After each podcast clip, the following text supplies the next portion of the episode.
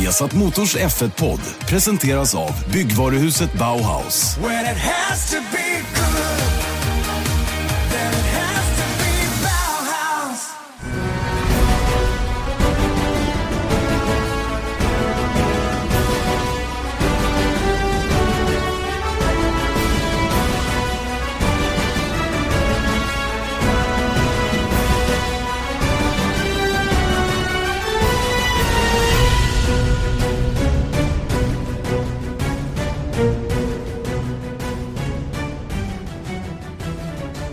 Ja, mycket välkomna till en ny Formel 1-podd. Vi har satt Motors Formel 1-podd som ni alltid ser på, eller hör snarare på Acast, på iTunes eller på vesasport.se. Jag är så van att säga ser så det blev hör istället, eller tvärtom. Jag vet inte vad jag säger till slut. Hur som helst, Erik Stenborg, välkommen tillbaka till podden. Tack ska du ha. Tack ska du ha. Och eh, det är skönt att du tog inte in en ersättare ändå. Nej, jag gjorde inte det. Nej. Det var så här nämligen att Dieter Enken och jag hade bestämt oss för att göra en, eh, en podd förra torsdagen. Men eh, av olika skäl så fick vi aldrig tag i varandra och eh, därmed så rann tiden ut och sen fanns inga möjligheter att göra den. Jag har, jag har mycket tid, men inte alltid tid så att det räcker till allting. Så att, eh, ja, det blev som det blev helt enkelt och därför så tar jag in min supersub igen, Erik Stenborg. Super sub? I don't know. Nej, du, är min, du, är, du är nummer ett, det vet du. mm. Det är bra. Hur var Singapore? Ja, det var väl bra tycker jag. Det var, det var varmt. Ja, det var väldigt var lite varmt. Ni, eh, det såg ju både du och alla andra att jag svettades ymnigt. Jag vet Mm. inte vad det beror på ibland. Ibland blir det bara så där kranarna öppnar sig och man, eh, man, är, chans, man är chanslös helt enkelt. Man har ingenting att sätta emot när, eh, när det sätter igång. Så var det den här gången. För det hade varit rätt okej resten av helgen, eller tidigare under helgen. Men just i racesändningen där då var det liksom, nej, det gick inte bara. Och vad gör man? Har du några bra tips? Har du några bra tips? Härdar Ja. bara, tror jag. Ja, det det. Det var som eh, Eje sa i Malaysia förra året, tror jag. Låt det rinna. Exakt. Ja, men exakt Ja. så är det ju. Det, och det var så jag kände också. Antingen så står jag här och stressar över att försöka hitta något AC-utrymme eller så bara låter jag det vara. Och det var ju bara låta Mm. det vara. Så, för vi var ju tvungna att spela in. Och det fanns inte så mycket annat att välja på. Så att därför så blev det som det blev. Eh, för att återkomma till din fråga angående Singapore så, så var det bra. Det är alltid väldigt, väldigt speciellt att komma till Singapore tycker jag. Det är ju... Eh, det är ju en, eh, det är ett häftigt race på många sätt med elljuset, värmen, påfrestningarna på förarna, banans layout och, och liksom bara, bara att komma till Sydostasien. Eh, jag, jag gillar det verkligen. Eh, jag vet inte, har du varit där någon gång? Eh, nej, inte på Formel 1. Nej.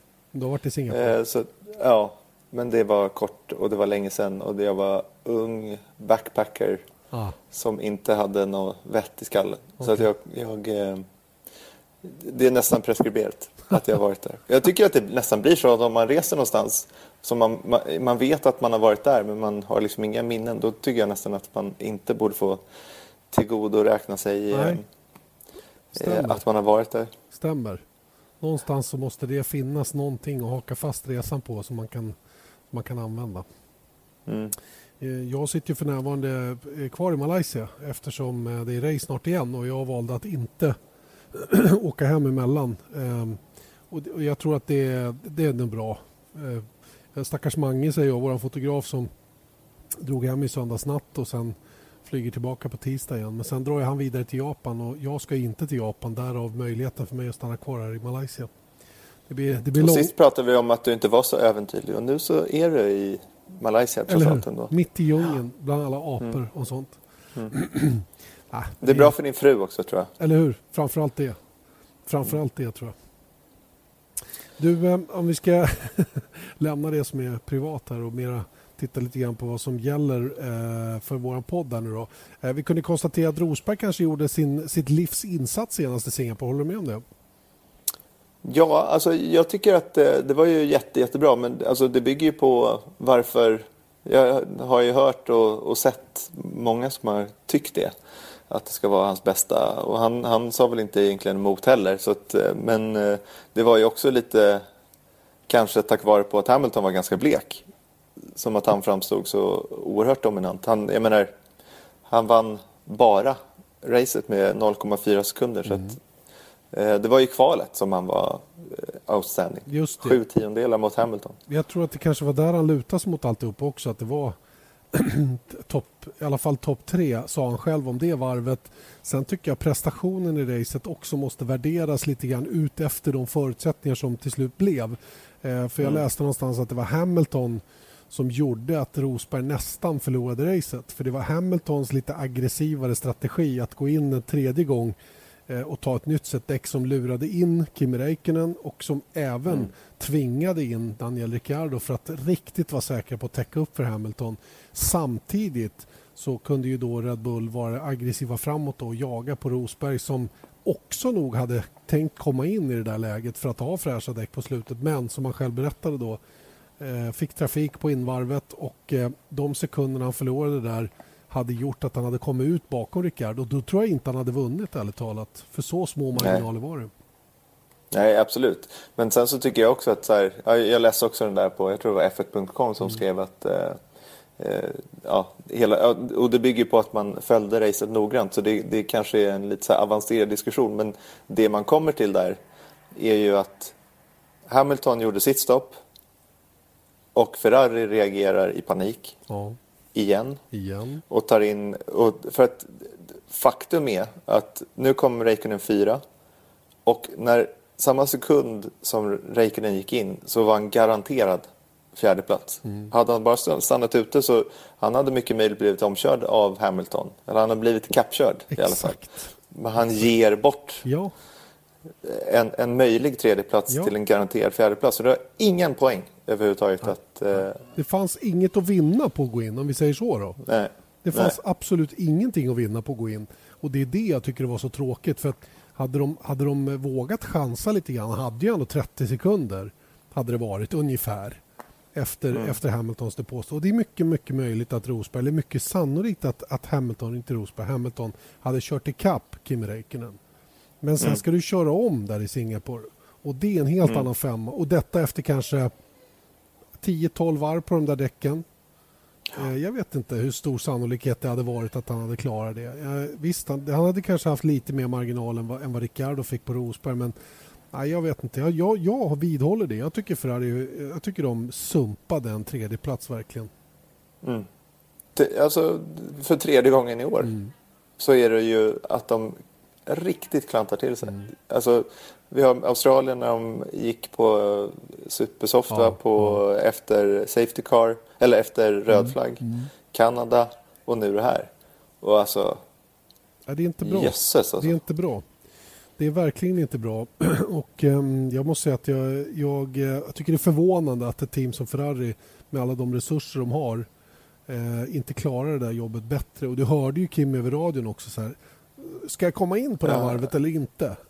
Vi räknar för fullt, vi återkommer eller någonting i den stilen. Mm. Eh, och att de inte har täckt upp den här eventualiteten redan i sitt avancerade dataprogram är, tycker jag, det är ju lite, det är lite märkligt. Den borde de ha haft koll på redan innan det hände. Ja, men det är där jag blir så för- förvirrad av, av strategi överlag i Formel 1. När, för jag menar, alla teamen har gjort, eh, kolla på Mercedes i Monaco där med, med Hamilton när han sumpade sin seger. Det var förra året va? Mm. Eh, och eh, jag menar Red Bull i år eh, när de inte hade fram däcken och eh, så att Ricciardo tappar i Monaco. Och eh, alltså jag undrar, de har ju avancerade program och vi ska förhoppningsvis kunna gå in på det här lite närmare i sändningen runt, eh, sändningarna runt Malaysias GP bara för att få lite koll på vad de har för... för eh, Varför kan det gå fel trots Ja, hur, hur kan det gå fel med allt Precis. det här? Liksom, de har superdatorer som sitter och räknar. Och jag började nästan tänka så här, ibland så är det nästan som att, du vet när man kör efter GPS Ja. och man, du ser stan du ska till. Men sen så blir du liksom inledd på någon grusväg. För att den säger det och man vågar liksom inte chansa. Nej. Så att ibland så undrar jag så här, sunt förnuft. För att jag menar, det där, att ta in Räikkönen där. Det behövdes ingen superdator. Och jag Nej. menar visst, jag som, som tittar på racet, eh, men liksom, vadå? Du och Eje tittar på racet och ni har annat att tänka på också. Så att det är inte så att så här, och här har en hel stab som ska täcka upp för eventualiteter. De har simuleringar som går samtidigt och då egentligen så borde de bara säga, nej men vänta nu. Hur ser det här ut egentligen? Mm. Och så tar de in det ändå, antagligen för att en dator säger det. Eller att någon kommer på, på en briljant idé och sen så vågar ingen säga, säga emot och sen så blir det bara pannkaka. Pannkaka blev det, onekligen. Och jag, jag kan tycka så här att det, jag tycker resonemanget som du förde från början tycker jag är så logiskt. det vill säga, de hade redan en fjärde plats oavsett vad de gjorde. Så varför mm. chansa åt fel håll? Chansa mm. åt rätt håll istället. Banposition i Singapore, det är ju för 17 allt. Varför chansa mm. åt andra hållet? Jag begriper inte. Och jag kommer tillbaka till någonting som jag hörde. Jag tror, jag tror det var Alistair, um, Alistair Gibson som var, te, uh, han var chefsmekaniker i Honda. när Honda var Honda, uh, fabriksteamet. Mm. Jag tror det var i Istanbul. Jag kommer inte ihåg om det var i Istanbul eller någon annanstans. Och han sa någonting om att, för det hade gått åt skogen för teamet strategiskt.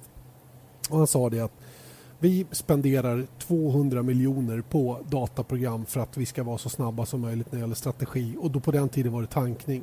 Men i slutändan är det någon jävla idiot, uttryckte han det som, som tar mm. fel beslut. Och, och hur den är så finns den mänskliga faktorn och den går aldrig att dat datorisera bort så att säga. Va? För någon ska ta beslutet. Någon ska mm. använda sig av den här datainformationen och sen säga ja eller nej. Och det är ju det mm. som är problemet. För alla dessa spenderade pengar är ju ändå på något sätt bortkastade om det ändå då sitter en människa som tjänar en hundradel av vad dataprogrammet kostar och tar fel beslut. Mm. Eller hur? Ja, verkligen. Då, då är allting förgäves också. Men det är frågan om så här, okay, det, men, men det är ju, om man litar blint på datorer så blir det antagligen så. Ja. Om man litar blint på en, på en GPS, GPS så kan du ge dig attan på att du, att du kommer in på någon, kanske den kortaste vägen, ja. men den inte alltid bäst. Liksom. Ja. Nej, verkligen inte. Och det, hela det här resonemanget leder ju in på det som hände i Sauber också. Eh, för Marcus ja. Erikssons del. För, för, eh, det var ju nästan en större katastrof på ett sätt. Alltså, alltså, nu var det inte om pallplatser, men jag menar... Men, sam, men i, i, i teorin, alltså rent hypotetiskt, hade det kunnat vara den sista poängplatsen. Och det är mm. det som gör mig så störd. Att de också chansar åt fel håll. Eh, nu ska vi säga det att den som sköter strategin hos Sauber nu, han, han kommer att sluta. Han kommer att sluta efter Singapores Grand Prix. Det var bestämt redan tidigare. Och in kommer nu den här Ruth Buscombe som kommer från Haas närmast och har tidigare varit i Ferrari. Så att vi, vi, kan inte skylla det på henne det som hände senast utan det får bli på den gamla gubben eller på hela teamet mm. egentligen. Det är ingen idé att skylla på någon specifik person. Eh, och eh, de, de, har ju tidigare haft ett ganska eh, dåligt simul, simuleringsprogram för det här. Så, som mm. inte de riktigt har kunnat... Ja, de har inte varit på samma nivå som toppteamen där heller kan man väl säga. Och det är det den här Ruth Buscom ska komma till rätta med när hon dyker in i teamet så att säga. Så, mm. så det, det, är ju den ena delen. Va? Men, men, att göra som de gjorde nu senast eh, tycker jag är så signifikativt för det här teamet den här säsongen. Ja. Eh, så här får man inte jobba. Man skaffar sig en bra banposition. Man startar 14, man är iväg som 11. Och sen, mm. så, sen så har man liksom cement i fickorna och kan inte, kan inte vara flexibel över, överhuvudtaget. Och bara strula bort en jättebra möjlighet att faktiskt ta den där poängen som kan vara värd hur mycket pengar som helst. Det, det, är obegripligt. Och jag gissar att och, och, och det som hände var ju att, att eh, Marcus startade 14. Eh, Nico, kraschar, eh, Nico Hülkenberg eh, kraschar i, i starten och han, han höll ju på att tappa Nasser i starten mm. och, och trilla bak. Men när andra slår av så, så fortsätter han liksom, mm. och så mm. ligger han 11 bakom Kevin Magnussen. Menar mm. själv att han hade pace, att, att han kände att han var snabbare än Magnussen. Och sen så tar de in honom på varv åtta. Åttonde varvet ja. Magnusson kör ja. vidare. Han kör väl sju varv till tror jag. Ja. och, får och ingen annan gick in då överhuvudtaget? Nej, nej, nej. nej. Utan det, och det, jag förstår ju tanken som Sauber hade. Att gå in då, komma ut med lucka, köra in en massa sekunder, komma ur trafiken. Problemet var att de kommer ikapp för långsamma bilar. Eh, för tidigt och förlorar alltihopa. Och då var ju liksom, redan då var racet kört. Då insåg man mm. direkt att det här kommer bara... Om inte säkerhetsbilden och annat händer, då kommer det bara gå åt skogen. Så det, det var en sån här dundermiss verkligen. Sen är det några som har haft teorin om att det var Manor och Con som låg och bromsade för att de var säkra för att vara säkra på att inte Eriksson eller, eller Nasser heller för den delen skulle kunna utmana dem om sista poängplatsen. Men så, så, det tror jag inte ett smack på, ärligt talat. Jag tror att Manor inte var snabbare än så eh, i det läget av racet. Och, det... och, och i så fall så är ju, då vill man ju ha Manors strateger. Ja, verkligen. Som kan tänka så långt. Liksom. Ja, att, ja. Att, uh... Nej, det där, det där köper jag inte överhuvudtaget. Utan det var ett supermisstag tycker jag utav Sauber. Millions of people have lost weight with personalized plans from Noom. Like Evan, who can't stand salads and still lost 50 pounds. Salads generally for most people are the easy button, right? For me, that wasn't an option. I never really was a salad guy. That's just not who I am. But Noom worked for me. Get your personalized plan today at Noom.com. Real Noom user compensated to provide their story. In four weeks, the typical Noom user can expect to lose one to two pounds per week. Individual results may vary. Say hello to a new era of mental health care. Cerebral is here to help you achieve your mental wellness goals with professional therapy and medication management support. 100% online. You'll experience the all new Cerebral Way, an innovative approach to mental wellness designed around you. You'll get a personalized treatment plan from a therapist, prescriber, or both in a safe and judgment free space.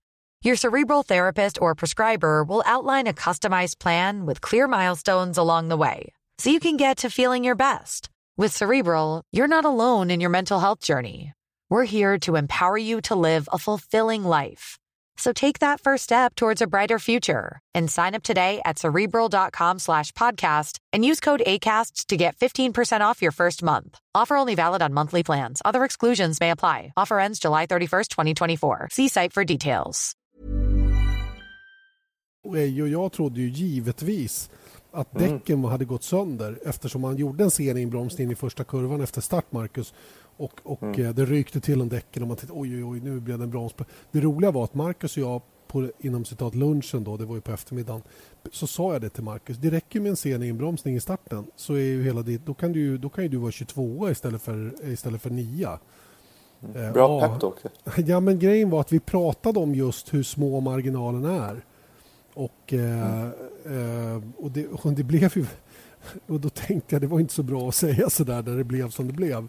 Men, men samtidigt visar det på hur små marginaler... För jag menar Magnusen var inte snabbare än vad Marcus Eriksson var i, i söndags. Det var bara det att de fick den här strategin de hade valt att fungera som var ultrasoft, supersoft, supersoft. En tvåstoppare. Och det var väl bara Kviat som klarade av det i övrigt tror jag. Mm. Men jag alltså, du sa att det var signifikativt för mm. Sauber i år. Jag tycker att det har varit liksom rent strategiskt. Jag tycker bara på Bahrain förra året också ja, att... Jo, I och för sig. Det, var ju misstag och sånt där också. Mm, men mm. det känns som att de ska liksom spela Allan lite. Att så här, okej okay, nu, nu provar vi något crazy liksom. Mm, för att mm. och överrumpla Allan. Men då, det bygger ju på att du kan liksom plöja dig igenom. Att du har liksom en eh, Verstappen Red Bull eh, liksom, Exakt, att du har en möjligheter. Liksom. Ja. Men jag tror snarast att det var tvärtom Erik, att de hade sin trestoppare med Ultrasoft i starten och uträknat efter sitt program. Eh, för jag, det var också något som Marcus och jag pratade om innan. Jag, jag, tror inte att vi kan köra längre än tio varv, sa han till mig då. På första sättet mm. däck och det blev åtta. Så att i, i, i praktiken tror jag det var så att de följde sin jäkla plan. Och sen så utan att ha någon flexibilitet för att se vad som händer runt omkring så, och dessutom lyssna till vad Marcus hade att säga själv om hur däcken fungerade. Och det var väl det som gjorde att det blev ja, på. På ett sätt har väl Marcus lite, liksom, han spelar ju roll i det här också. Han borde ju Ja, fast då ska han stanna ute tvärt vad teamet vill för han blev ju inkallad och han var ju lika förvånad som alla andra att varför ska jag in efter åtta varv när bilen känns bra, jag har bra pace, jag hänger på Magnusen, det är inget fel på däcken. Ja, ex, exakt min poäng. Ja, så att det Förstår du? Att, ja. att, att, att, att, jag menar, no, ja, det, det, är hypotetiskt men liksom... Ja, men det kan bli ett bra reportage där. Det kan bli ett mm. bra reportage där om strategin för det här är en väldigt, väldigt viktig del och även ett team som Mercedes är ju inte ofelbara när det gäller strategi. Det har de ju visat sig, speciellt när de blir pressade när något annat team verkligen har speed att, att utmana dem. Ja, då kommer de också i lägen där de tar felaktiga beslut. Va? Red Bull som du nämnde tidigare och Ferrari då inte minst visar ju på samma svagheter. Så det här är ett känsligt ämne och någonting som är känsligt rent generellt i, i, eh, i Formel 1 för att få till bra resultat. Och eh, Det blir ju naturligtvis lättare att få en strategi att funka ju bättre bil du har så att du inte blir lika känslig så att säga för saker. Jag menar, ta Fettel som, som valde att starta på soft. Där har du en strategi från Ferrari som funkar alldeles utmärkt. Eller hur? Mm. Ja. Han startade på soft, han satt fast länge och jag tänkte gud det här kommer aldrig gå vägen. Han satt och gnuggade på sina soft bakom bilar som han inte kom förbi. Men i slutändan så hade han ändå tagit sig upp då vad det nu blev, 17 platser och blev, blev mm. fem, femma i mål. Han var, jag tror han var 17-18 mm. sekunder bakom Kimi Räikkönen som hade startat femma. Va? Mm. Så, så, att jag menar... Det, det, jag säger fine, men det är också så här, har en Ferrari att, att lira med. Mm. Jag menar, det, det, är lite skillnad. Mm, säger bara att om, om du har materialet så att säga, okej, okay, nu fastnar han på soft och, men, men liksom det, det tycker jag inte är lika eh, liksom imponerande på ett sätt heller. Att, så här, nej, ja, jag vet inte, jag, jag blir bara så här. Ja, men det är lättare eh, att göra det Fettel ja. gjorde. Ja. Det är också med, med en Ferrari, med en Ferrari än att, än att, än att uh, ta sig upp och bli topp tre med, med Kimmis läge då från femte rutan eftersom motståndet är så hyggligt mycket bättre ju längre upp du kommer. Ja, så exakt. Är, så är det eh, vi, vi lägger, Men... tycker jag, den här eh, strategidiskussionen åt sidan. Vi får se vad vi kan få till för något eh, spännande, int intressant reportage i Malaysia. Men det är ju det är kul att höra lite grann vad folk tycker och tänker om det där i alla fall när vi väl kommer dit. Jag menar Renault och Magnusen hyllade ju sin, sin strategi mm. som gav den där mm. tionde platsen och ytterligare en VM-poäng. Så det går ju att lyckas också. Verkligen. Mm. Men eh, fortsatt eh, väldigt intressant VM. Oh ja. Verkligen. kan man konstatera. Verkligen. Att, att, och, jag, och det kanske apropå när vi pratade om Rosberg där i början om att det var en imponerande helg och det var det onekligen. Men det som jag tycker mest imponerande är Rosberg generellt nu. Mm. Tre raka vinster. Han har aldrig hämtat hem ett underläge så här sent under en säsong tidigare. Han ledde med 29 poäng i Belgien 2014 men tappade det därför han hade, han, liksom när han tappade det så tappade han det. Det, mm. det rasade runt honom av olika anledningar i och för sig. Mm. Men, men nu... Eh, jag tycker det är häftiga svängningar liksom att... Eh, men är du fortfarande, vi pratade ju om det, över två veckor sedan och vi sa att Rosberg, Rosberg vinner bara när Hamilton strular. Alltså, stämmer den teorin fortfarande? För det är min uppfattning ändå. Även om Rosberg gjorde kanske sitt sitt livshelg i Singapore samtidigt som Hamilton var blek så, mm. så blev ändå Hamilton trea när Rosberg vann. Det är inte så stora skillnader de två emellan ändå. Och I min värld så kräver det fortfarande att Hamilton strular för att Rosberg mm. ska vinna. Det kräver inte att Rosberg strular för att Hamilton ska vinna. Men Det bygger ju på då att man, att man eh, tänker sig att bådas bilar är perfekta. Mm. Och det är det som är grejen att nu var ju Hamilton blek. Alltså, det är också en del i sagan att eh, han, han, han klagade, ju, klagade ju på första träningen på fredagen mm. och hittade aldrig pacen liksom. Medan eh, Rosberg uppenbarligen kunde slå eh, ta pole position med, med, nästan en sekund till godo. Eh, jag menar, och sen så hörde jag någonting att Mercedes eh, menade att han hade inte samma downforce-siffror då som som, som Rosberg. Men jag menar, det, det, det är ju samma... De, de har ju ändå samma förutsättningar att ja. skapa en bra bil. Nu var det inga tekniska problem. Nej, nej. Det var inte så att han hade turboras under kvalet och fick starta nej, 17. Inga, utan inga sådana ju... grejer. Inga sådana grejer. Verkligen inte. Han blev outpacad den här helgen i, i Singapore mm. av Rosberg. Det råder inget tvivel om överhuvudtaget. Även om man blev stående i garaget mycket för att det var lite småstrul med det ena och det tredje och, mm. och sådana saker. Men, men oavsett det så, så var Hamilton svagare än vad Rosberg var i, i just Singapore. Eh, men, men och ingen där, bra start. Nej, inte det heller. Han gjorde ingen dålig start men det var ingen kanonstart heller. Va? Så det, det, det, finns, det finns det finns tillfällen när Rosberg är hetare än Hamilton bara kort och gott. Va? Men, men mm. fortfarande när jag tittar på de två så, så, upplever jag ändå att när Hamilton är i zonen då kan Rosberg inte hota överhuvudtaget oavsett vad han gör. Däremot... Såvida han inte får ur Hamilton ja, ur zonen. zonen. För att jag ja. menar, det är också, det är, det är också en... jag menar, vi har pratat mycket om att Rosberg hela tiden säger att nej, men jag fokuserar på det här, jag, det är den här helgen, det här racet, jag tänker inte på VM. Och jag menar, vi har pratat om om det ens är rimligt att, han, att man kan tänka så. Men jag menar, nu har han vunnit tre raka race. Mm. Eh, oavsett förutsättningarna så var det liksom... Han, han, han är ju i zonen. Mm. Ja, och det kanske får Hamilton ur, ur zonen. Så kan det vara. Och det, har Hamilton någon svaghet så är det ju just när det går tungt för honom. Det är i alla fall min mm. upplevelse att när det går tungt för honom så blir han gärna han blir lite molokig, blir lite ior över honom. Va? Det är liksom så här, allting, mm. allting är dåligt och jobbigt. Så här, va? Mm. Istället för att vända på steken. Eh, just i race. Han blir mycket så här, är det någon idé att köra vidare nu för nu är det bättre att spara på motorn. Han har lite den tendensen när det börjar gå mm. Nu var det mm. absolut inget sånt läge i... Eh, jag tycker han fightade tillbaka starkt i Singapore. Men det hörde ju lite när han åkte på soft andra stinten där. Ja men hallå grabbar, vi måste göra mig snabb. Jag kan inte bara ligga här och åka liksom. Nej, Problem nej. med bromsarna och, och började bli missmodig istället för att hantera den uppkomna situationen. Och börja ifrågasätta beslut från teamet istället för att köra så fort som det bara gick med de givna förutsättningarna. Vilket han kanske gjorde ändå. Men jag tror att den typen av kommentarer speglar honom ganska väl ändå på något sätt hur han fungerar som människa. Ja, jag tror att han tycker det är fruktansvärt jobbigt att eh, där, jag tror att hans vinnarskalle är enorm. Liksom. Mm, mm. Och det är där jag... Och det är ju det som gör att här, när man, han märker att okej, okay, jag kommer inte vinna över Rosberg. Och då blir allting liksom katastrof. Det är lite som så här, lite så här Grosjean-mentalitet. Ja, jag, jag, för, jag, som, som vi också pratade om i och för sig, men att jag, jag förstår inte poängen med hans eh, outburst. Liksom. Att det är... Eh... Nej, nej. Hamilton Antingen... är ju light-versionen av det, men när, när det går dåligt för honom så... Jösses om man får höra det. Mm. Undrar, jag, jag, undrar också vad det är. Om, det, om Grosjean vill liksom tala om för hela världen att det är inte mitt fel. Nej. Eller om han helt enkelt säger de här sakerna på instinkt för att han, han är sån som person. Det kan inte jag svara på. Men eh, ja, mm. det kan nog säkert vara det ena eller det andra. Mm. Men hur som helst, Rosberg ledde med 43 poäng.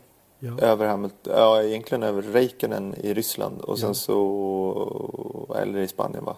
Mm. Eh, men 43 eh, poäng över Hamilton, eh, Ryssland och Spanien, fem deltävlingar in. Hamilton bara en poäng bakom eh, Rosberg i, efter England. Tio deltävlingar in. Och tog ledningen i Ungern tävlingen efteråt och utökade till 19 poäng i Tyskland. Och de tre senaste tävlingarna har Rosberg gått om igen och leder med 8 poäng. Och det är sex tävlingar kvar. Jag tycker att så här,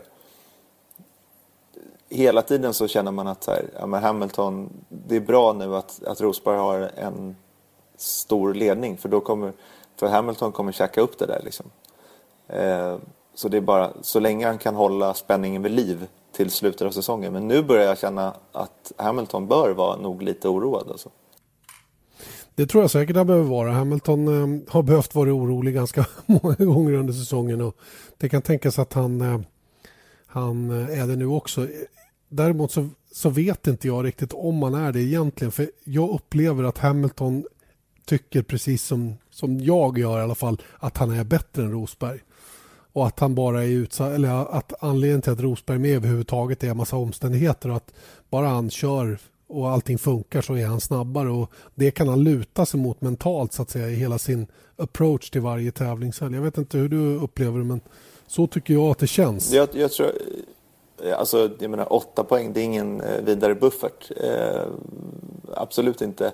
Men däremot det är sex tävlingar kvar. Jag menar, det, det, det är skillnad liksom när han leder med 43 poäng. Till och med mm. då. Det var ändå 16 deltävlingar mm. kvar mm. då. Och jag menar när han ledde med 19 poäng i, i Tyskland. Då trodde jag att det här kan vara kört mm. liksom.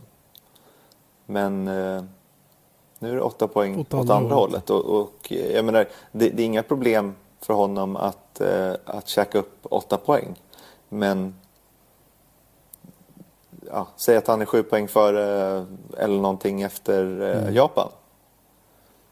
Eh, Hamilton mm. alltså. Och sen så misslyckas han i eh, USA och Mexiko. Ponera att de inte vinner överhuvudtaget i Malaysia, vilket de inte gjorde förra året och har samma ja, typ visst. av problem i år som de hade då, att de överhettar.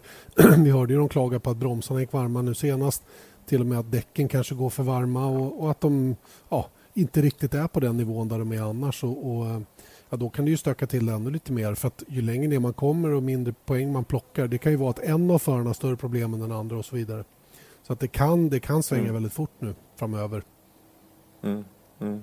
Och det är det jag menar, det har svängt väldigt fort, eller varit eh, motigt eh, tillförlitlighetsmässigt för Hamilton. Och det, det är ingen, nu har han lite extra motorer och turbos men det är inget som eh, en failure liksom, så är det ju helt plötsligt 32 poäng istället mm. för om det bygger på att Rosberg vinner då och han bryter, då, då är det ju kämpigt. Alltså. Visst, visst är det så. Nåja, vi får se hur det kommer att gå. Jag satt faktiskt och kollade lite grann hur, hur, hur säsongen hade varit här bara för inte så länge sedan och konstaterade att de har vunnit allt. Eh, ett race har de inte mm. vunnit. Det var i, i Spanien. Då plockade de av varandra av banan. De hade säkerligen vunnit det med stor marginal om de hade kört vidare. Och eh, det är ju Nico Rosberg och eh, Lewis Hamilton det handlar om i VM. Även om det är kul att Red Bull då och då kan vara med och nosa på det då, som man gjorde i Spanien när man tog, tog rätt på smulorna så att säga. Då. Och nu senast Daniel Ricciardo som jag tycker gjorde ett brutalt bra race. Alltså. Och de, var det inte andra året i rad det var på det här viset? För visst jagade han väl ikapp Sebastian Vettel förra året också? Jag tror att det var på ett, ett liknande sätt. Han hade valt en sån här strategi där han skulle ha bättre däck på slutet och låg och pumpade varv efter varv efter varv. Eh, och sen hamnade lite trafik emellan dem då på slutet som kanske avgjorde den kampen. Men, men Daniel Ricciardo är riktigt, riktigt stark. Och vilken skillnad det är på honom och Max Verstappen när det verkligen gäller på något sätt.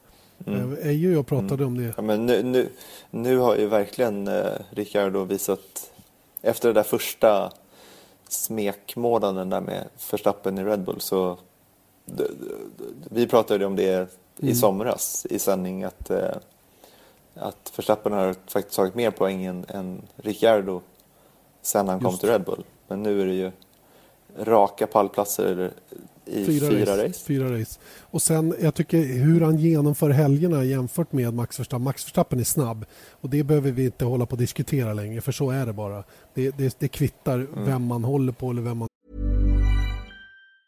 Say hello to a new era of mental health care.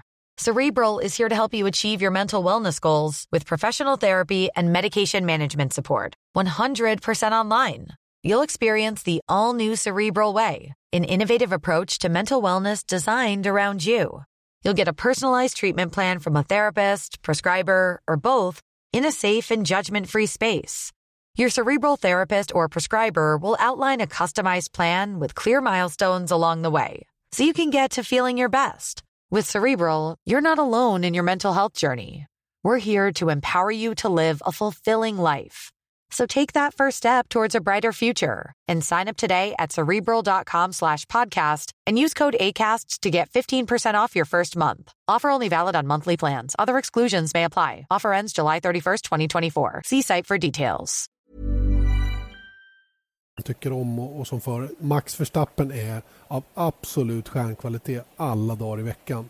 Men han har saker och ting att fila på. Jag skrev i min blogg till exempel att det här med att sätta ihop förberedelsevarven under kvalet som han klagade mycket på sist. Det ligger mycket ansvar på honom själv där att få till det här. Eh, han kan inte bara säga till teamet att vi måste, ni måste hjälpa mig att få bättre temperatur i framdäcken. Det, mm. det är liksom, de kan ju bara titta på en kartbild att nu borde det vara lämpligt att åka ut och så åker man ut. Så, så enkelt är det. Och det mm. där är ju inget unikt problem för Max Verstappen utan det där är någonting som alla råkar ut för eh, titt som tätt. Att man inte får perfekta förberedelsevarv. Och då måste man lära sig och det där är väl erfarenhet helt enkelt hur man löser de här bitarna. Och där är det ju ganska stor skillnad mellan Ricardo och Max Verstappen. Och när liksom saker och ting ska, ska bli, eller när det blir på allvar, då, då är inte Verstappen mm. på samma nivå som Ricardo. Verkligen inte. Eh, över ett varv och rent speedmässigt eller vad det nu kan vara. Visst, de är nästan exakt. Och... Ja, spektakuläritet, ja. om det finns ett ord som heter det, så är det ju inte heller det. Men jag menar, han är ja, superstark. Verkligen. Och så tycker jag att det är kul att Red Bull satsar. Nu var väl det ganska safe mm. bet där. också på grund av den här Räikkönen-grejen. Men jag tycker ändå att så här, ja ja, men let's Ja, go for it. Liksom, låt oss bulta på ett nytt sätt och sen så Se, se hur långt det räcker.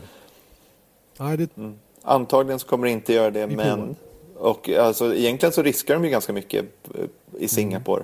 Att så här, ös in kvalvarv nu. Exakt. Exakt. Och i det läget av racet när man är som allra tröttast. Och ja, men titta hur han såg ut efteråt. Han var sliten Daniel Ricciardo. Han var riktigt sliten. Det var, Mm. det, det, jag tror inte vi förstår hur fruktansvärt jobbigt det där loppet är. Att i en timme och 57 minuter köra med 200% koncentration med en puls som ligger på 160-170 slag i genomsnitt och varje liten grej höjer pulsen direkt och du får inte göra några som helst misstag. Det är, jag tror att det är, det är omänskligt tufft på många sätt för, för de som kör där ute. Speciellt om man är i det läget man ligger och jagar och måste göra de här kvalvarven som du säger. Och, och du har ju två, det finns två bevis hos dig bara den senaste Oh, ja. veckan. Dels, dels att vi såg att du var lite varm Ja, och, och att, att du var panikslagen i Örebro när du fick prova att köra en F- kan du tänka själv. dig vilken... Ja. Det, men jag var... Ja, berätta hur, Nej, berätta men hur jag, det är. var, jag var, precis som jag sa i inslaget som gick i lördags, jag var jätte, jättestressad. Och, och eh, jag gick, jag vankade fram och tillbaka, jag gick planlöst bara. Jag hade ingen... Jag visste inte vem jag skulle prata vad jag skulle göra. Jag hade ju ett annat uppdrag också som jag skulle göra där nere. Va? Men jag sa direkt att det där måste ni släppa, låt mig vara när jag får göra det här. Och sen, Mm. sen Janne fick alltså, eh, Ja- Janne var eh, ja, reporter under Ör, Örebro Race Day när Marcus Eriksson kom med Sauber och körde Formel 1 i, i Örebro och eh, det fanns även en, en eh, Will, Nico Rosbergs Williams 2007. från 2007 eh, där du fick eh, testa den. Och jag har hört från Eje lite behind the scenes eh, att, att eh, han sa ju det i, i det inslaget vi gjorde till, eh, till, till eh, programmet också att eh, han trodde inte att det skulle gå men när jag pratade med honom efter det så sa han verkligen att han trodde Nej, verkligen inte att det nej. skulle gå eftersom att du hade satt dig i bilen en timme innan du 45 skulle köra. minuter.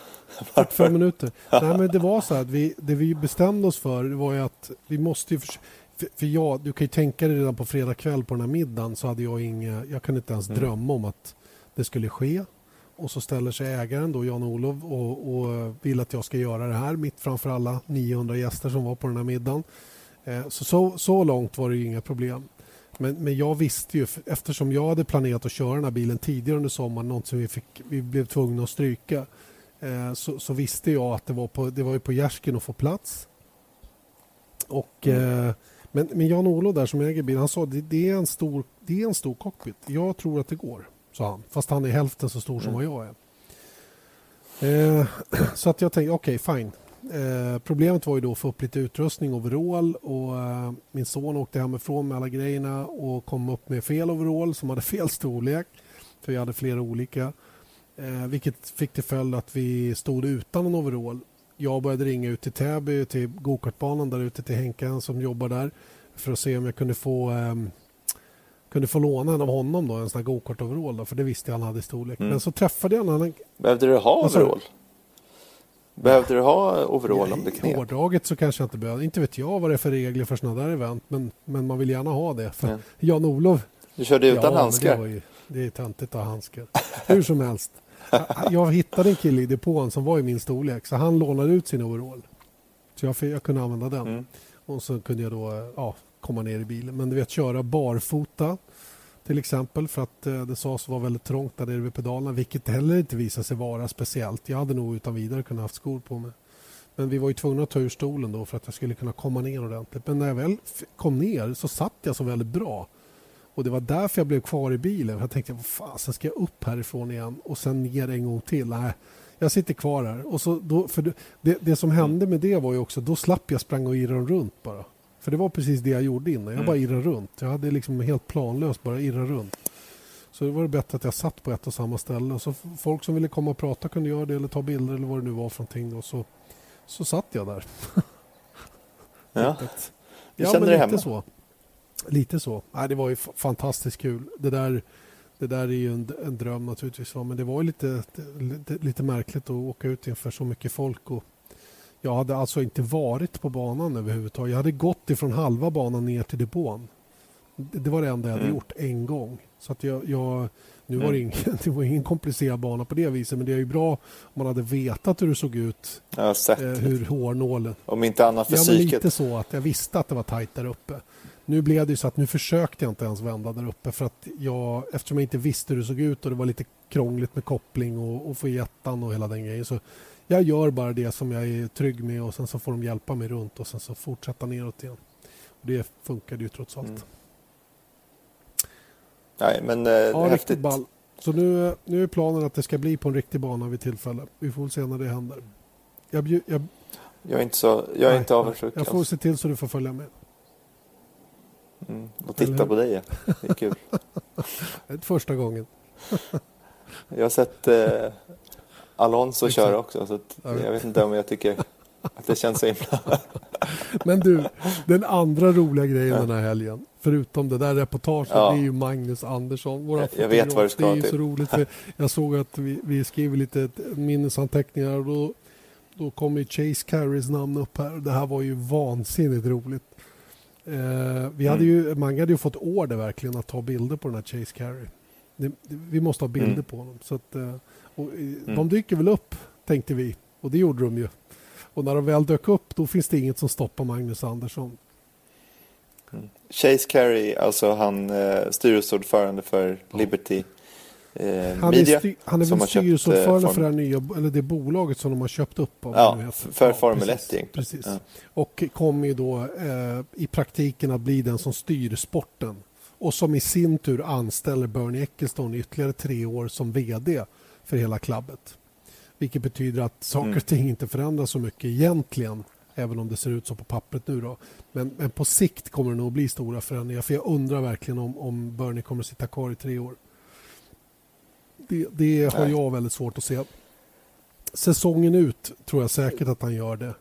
Men jag ja. tror att de ville förmedla att han sitter i tre år för att liksom lugna alla runt omkring om det finns någon som har några synpunkter och, och sådana grejer. Så att... mm. Han kommer nog eh, ha en position i ja. tre år kanske, men jag tror inte att han kommer vara, han kommer försvinna inte, ut inte i periferin. Och det var ju någon som, var Jonathan Noble på motorsport.com som skrev det direkt att han hade liksom iakttagit att eh, de sågs ju aldrig ja. tillsammans. De hade ju inte eh, den där promenaden som, eh, eh, som, som, du ska berätta om vad som hände. Det, ja, den, eh, det var ju en, en, en show, showrun, liksom, att de går bredvid varandra och, och så vidare. Ja, Men nu måste du berätta vad som hände. Jag såg inte det själv, utan jag hörde ju talas om eller Magnus kommer till mig efteråt och så säger han, åh du vet, jag kommer inte ihåg vad han sa nu, men det var, du vet ju, alla ni som inte har träffat Magnus vet ja. inte men han är från Vänersborg och pratar utpräglad västkustdialekt. Så han kommer tillbaka lite småstressad och det, allting är alltid toppen bra. Men den här gången var det inte toppen mm. bra, utan det hade blivit strul. ja, lite kämpigt. Jag, fällde gubben, vet du. Jag, jag fällde gubben. Va? Vad har du gjort, säger jag. Nej, men du vet, uh, Bernie så, ja, då hade Bernie, Bernie hade trillat ut i rabatten där, sa han. Ja, men vänta nu, hur gick det till? Så, jo, men det, jag skulle in och ta bilder och, och jag backade på honom. Jag såg inte honom. Så bonk. Och sen så small det. Och det där finns ju många, många Youtube-klipp på nu. Och jag vet att våra ungerska ja. kollegor de skrattade så de höll på att dö när de såg hela den här grejen. Och, och du vet, ja.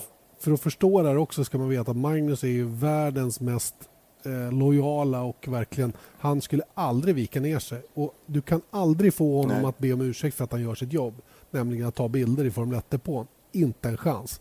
Nu insåg även Magnus att det här var lite olyckligt om man vill behålla passet där inne. Att springa in i Börn Ecclestone mm. och få en utskällning utav, eh, utav Pasquale, vad heter han, Nettan Ja, Ja, ja, Pasquale.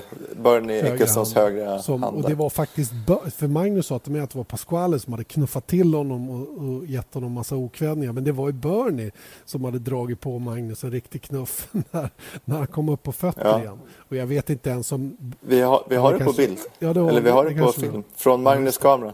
Man ser att han kommer oerhört nära på Magnus vis upp i näsan liksom på Chase Carey. Och sen så blir det lite tumult Sorry, och sen sorry, så, sorry.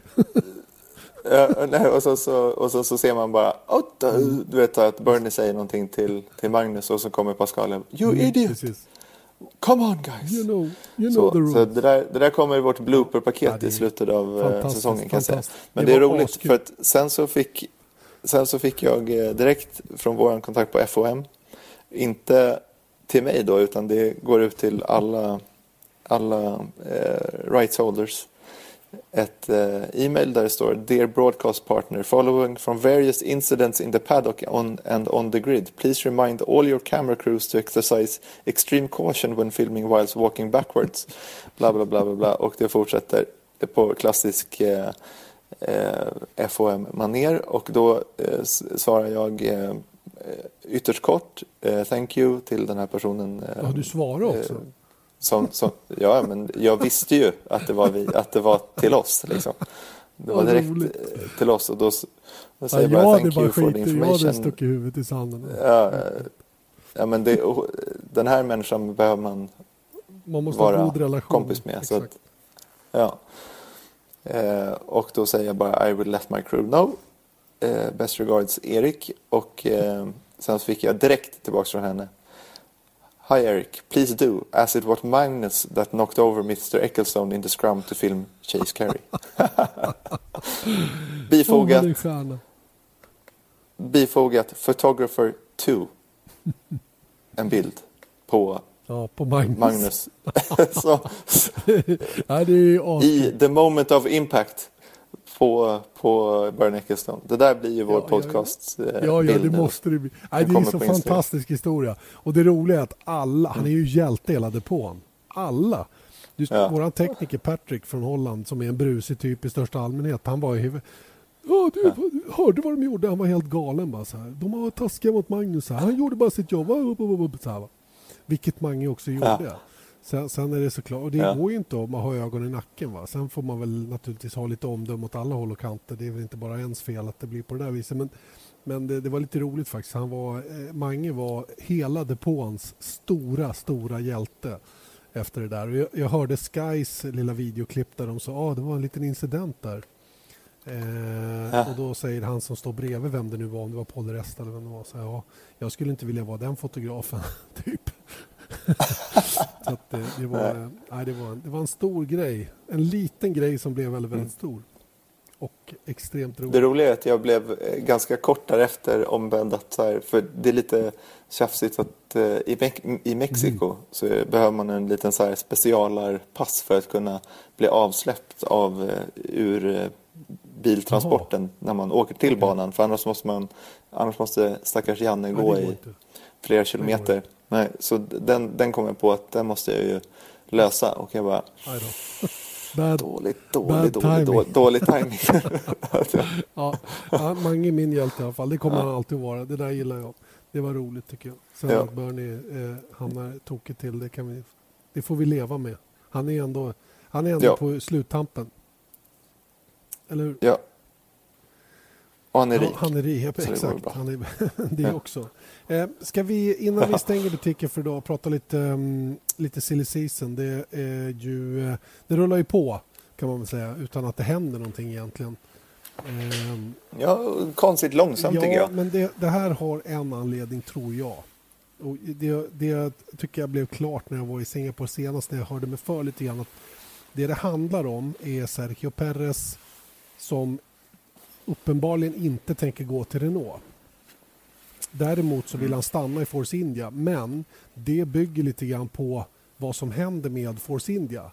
Och Det är därför han avvaktar Mm. med att avslöja eller var han tänker ta vägen. För att Force India är ju ett väldigt knepigt team just nu där Vijay Mallya, då, teamägaren, mer eller mindre är fängslad eller sitter i husarrest eller vad vi ska kalla det. Och det, det är otroligt Han oklart. kan ju inte lämna Nej. England i alla Det är fall. otroligt oklart vad som gäller runt omkring hela teamet. Och eh, Det är klart som sjutton att Perez då med säkert Carlos Slim med flera bakom sig då inte vill kasta in en massa pengar i team som man inte vet vad det, vad det kommer att hända med.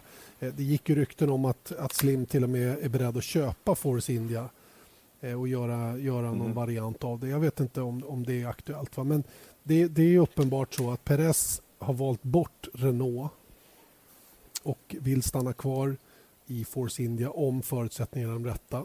Men Renault vet också att det är på det här viset. Så de ligger fortfarande och öppnar upp för att kunna ta Perez om han inte blir Force Indias egendom så att säga. Va? Ja, Förstår ja. du? Och, och mm. Renault som även har skickat ett konkret bud till Valtteri Bottas så vitt jag förstår det. Det är inget till 100% bekräftat men jag har förstått det som det att Bottas eh, skulle kunna vara aktuell för att flytta till Renault vilket förmodligen inte heller kommer att hända. Det är det här som gör att Renault inte kan avslöja vilka som kommer att köra för dem nästa år och dessutom nu senast sa att de kommer att skjuta på det ytterligare innan de presenterar vilka som kommer att köra för deras team.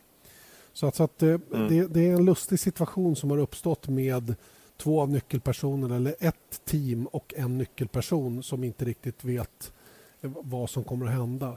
Och I Peres situation, tänk att vara i den att du har massa sponsorer bakom dig som många andra mm. förare har som inte kallas för paydrivers. Eh, I alla fall, han, mm. han kan antingen välja då att, att köra för Force India. De står ju med öppna armar och till och med sagt att han har ett kontrakt och han ska köra mm. för dem. Mm. Vilket Perez då inte riktigt har gått med på ännu. Samtidigt så vet han förmodligen då att Renault står och väntar också med öppna armar om det skulle vara aktuellt. Eh, att det inte blir någonting med Force India. Så han har ju rätt bra förhandlingssituation nu som jag uppfattar det. Mm. Sen eh, och kanske, kanske Williams som Bottas ja, inte går. till exempel. Fast Williams tror jag är ett, ett, ett, mindre sannolikt alternativ. För att jag tror nämligen att Bottas kommer att bli kvar. Sen är frågan om vem ja, som kommer att köra den andra bilen. Och där lutar ju mycket åt att det blir unge kanadensaren Lance Stroll. Eh, det har jag varit lite yes. tveksam till faktiskt på sist, ja, rätt länge. För jag tycker, inte, jag tycker inte det är rätt att stoppa in Stroll nu. Eh, och jag trodde inte att William skulle jobba på det viset. Men det är uppenbart att även här så betyder den ekonomiska inputen från Stroll att det är mer värt att köra honom än att inte göra det så att säga. Va? Och, eh, Sen kan man ju säga det också att det är inte så att han kör dåligt i Formel 3 sätt, idag. Inte på något sätt, verkligen heller. inte. Men vi vet ju att det är ett jättesteg trots allt att åka F3 och att köra Formel 1. Eh, och alla är inte så mm. mogna eller, eller klara för det som, som Max Verstappen heller. Eh, Nej, han, han är framförallt inte en, en Verstappen superstar. Liksom, som, som är liksom, han måste man ju... Så det, och, det är ju nästan tvärtom. Och ändå kan man ju hävda att i, Stroll i, vinner årets Europamästerskap i det bästa teamet. Efter, mm. vad blir det, hans tredje mm. säsong? Va? Två eller tre? Två, mm. tre? Tre? Mm. Eh, Verstappen vann ju faktiskt inte EM. Så att, men, men det går inte att titta på, eh, på hur de har kört tidigare rakt av. Det funkar inte så utan man måste ha mer insyn än, än det för att liksom kunna göra en, en rimlig mätning av det. Och eh, Stroll har ju varit en stökig typ i, i F3 många gånger. Va? Han är jättesnabb och duktig på många sätt men han har också ställt till det många gånger. Och Jag tror mm. att han skulle må bra av att köra i pappas eget GP2-team en säsong innan han tog steget upp. Köra mm. kanske tio fredagar för Williams och kanske mm. redan nu göra ja, klart för att köra för Williams 2018. Men att ta mm. ett, ett eh, påbyggnadsår i utbildning så att säga. Mm. Jag, jag, jag, ser också den som en mycket mer logisk lösning för hans del. För att det, det är, han är 18. Och jag menar visst, Verstappen var 17 men jag menar han har inte... Såna två sådana där killar kommer inte åren efter varandra. Det är, eller två år med två års mellanrum. Det kommer med 22 års mellanrum eller 32 års mellanrum. Så det är bara att konstatera att Stroll... Men han har inte... Jag menar, han, han var ju hela fjolåret i Prema eh, när Felix Rosenqvist mm. vann. Han var ju... Han var ju eh, liksom... Eh, det var ju... Eh, en Prema-styrning var ju som jag förstår det i alla fall i mångt och mycket för att han skulle liksom, för att Lance mm, Stroll mm. skulle mm, se och lära Exakt. av Felix. Exakt. Av, av, en veteran i serien för att kunna göra en attack i år, Exakt. vilket han har gjort. Så att, uh... så att, eh, jag menar, det är inte alls på samma kaliber, så jag ser inte riktigt den här paniken heller. Men det är klart att, att, ähm, att ett år i GP2, det är ju en... Alla är inte Stoffel van Dorn heller. Mm som, som börjar gå in och vara konkurrenskraftiga direkt heller. Eh, så det är klart att han, han öppnar upp för att komma 14 eh, i sitt första år. Och då får man ju, det kanske är lättare rent eh, utåt sett att ha, komma som Formel 3-mästare. Han, han har också en sån otroligt stark ekonomisk position Så att han är ohotad oavsett vad som händer. Jag tror att det är helt lugnt för Ja, men jag tänker, jag tänker rent imagemässigt att så här, okej, okay, visst, för man glömmer fort och eh, alla vet ju liksom, det är ingen, jag ifrågasätter inte hans förmåga som racerförare, för det, det är jag knappt kapabel till att göra, för det första. Men samtidigt så har han inte liksom gått in, han är inget underbarn. Kan jag nog med ganska stor säkerhet säga att han inte är. Och det som kan hända är att han, att han eh, klantar till det i GP2 eller inte rosar marknaden alls. Och då rent imagemässigt eller även om man har alla möjligheter i världen att ta sig in i mm. Williams mm. eh, efter det med tanke på, på pengar och eh, kanske även talang. Liksom. För han har ju kört eh, mycket med 2014 års mm. Williams vad jag förstår. Så att han är inte otestad i, i F1 heller. Inte i F1-bilen. Ah, ja, det blir spännande. Men, men, men däremot men, så kan det, han, kan ju, han kan ju behöva liksom stå emot massa skitsnack då att ja, men här kommer han då, mm. paydriver ja. igen. Vilket inte är så skönt. Nej, det är inte så roligt. Ah, ja, vi får se om det, vad som händer, men mycket talar för att det blir Lance Stroll i alla fall. Jag såg redan nu idag ikväll, eller jag vet inte vad det är för tid hemma, men hon är fyra på eftermiddagen snart, eh, så är det ju eh, så är det ju uppgifter som redan nu pekar mot att Lance Stroll är klar för Williams och att eh, det är Valtteri Bottas och Lance Stroll som kommer köra nästa säsong. Låt oss, låt oss mm. Eh, rent hypotetiskt säga att det blir så då. Så vet vi att Williams är i alla fall klara och låt oss också hypotetiskt säga att det blir Perez och Hülkenberg som kör vidare i, i Force India. Så har vi då mm. eh, en plats i Toro Rosso som sannolikt blir ledig om inte Kviat nu då sprattlar till här på slutet och får åka ett, ett år till med Red Bull. Men varför skulle han få det? Ingen annan Red Bull-förare har fått det genom karriären oavsett hur bra de har varit. Så jag kan inte riktigt se det. Toro Rosso är ett juniorteam och dit ska Pierre Gasly, speciellt om man vinner GP2. Och jag uppfattar mm. att det blir Gasly och, eh, och Carlos Sainz som kör där nästkommande säsong. Eh, sen har vi då mm. Haas Eh, där jag uppfattar att Grosjean redan är klar för Haas. Åtminstone var det uppgiften som kom ut i Italien. Eh, och mm. att... Han har... Eh, det, det, finns... Alltså, nu har jag inte läst det på det sättet i och för sig. Men jag menar, Autosport har en sån här... Där står det mm. att han är klar. jag att... tror också att han är det. More or less. Eh, om inte han mm. också har någon klausul åt något håll, prestationsklausul som de inte har levt upp till. Det kan ju finnas någon sån grej som gör att han har en bakdörr. Eh, det har sagts att Gutierrez mm. sitter löst, men frågan är om han gör det eh, längre. Mm. För Gutierrez har kört bra nu på slutet och Charles Leclerc, monegasken som har kört lite mm. fredagsträningar där, han letar plats i andra team att köra, köra fredagsträningar han har ju tävlat i GP3 i år och vinner väl kanske GP3 i årets säsong. Och eh, mm. letar han tredje positioner i andra team för nästa säsong då är han inte aktuell för någon fortsättning hos Haas Nej. eller som raceförare i Haas. Det kan vi väl konstatera därmed. Nej. Eh, Renault... Han är ju Ferrari förlåt, senior. Förlåt, vad sa du? Han är ju Ferrari junior. Ferrari junior, ja precis. Så, så det är det som gör att han placeras i Haas Just. också. Just så. Eh, men om han släpps likt eh, Rafael Marcello eh, som var tredje förare i eh, mm. Sauber mm. så då kan ju han vara gone Just också. Det. Så att säga.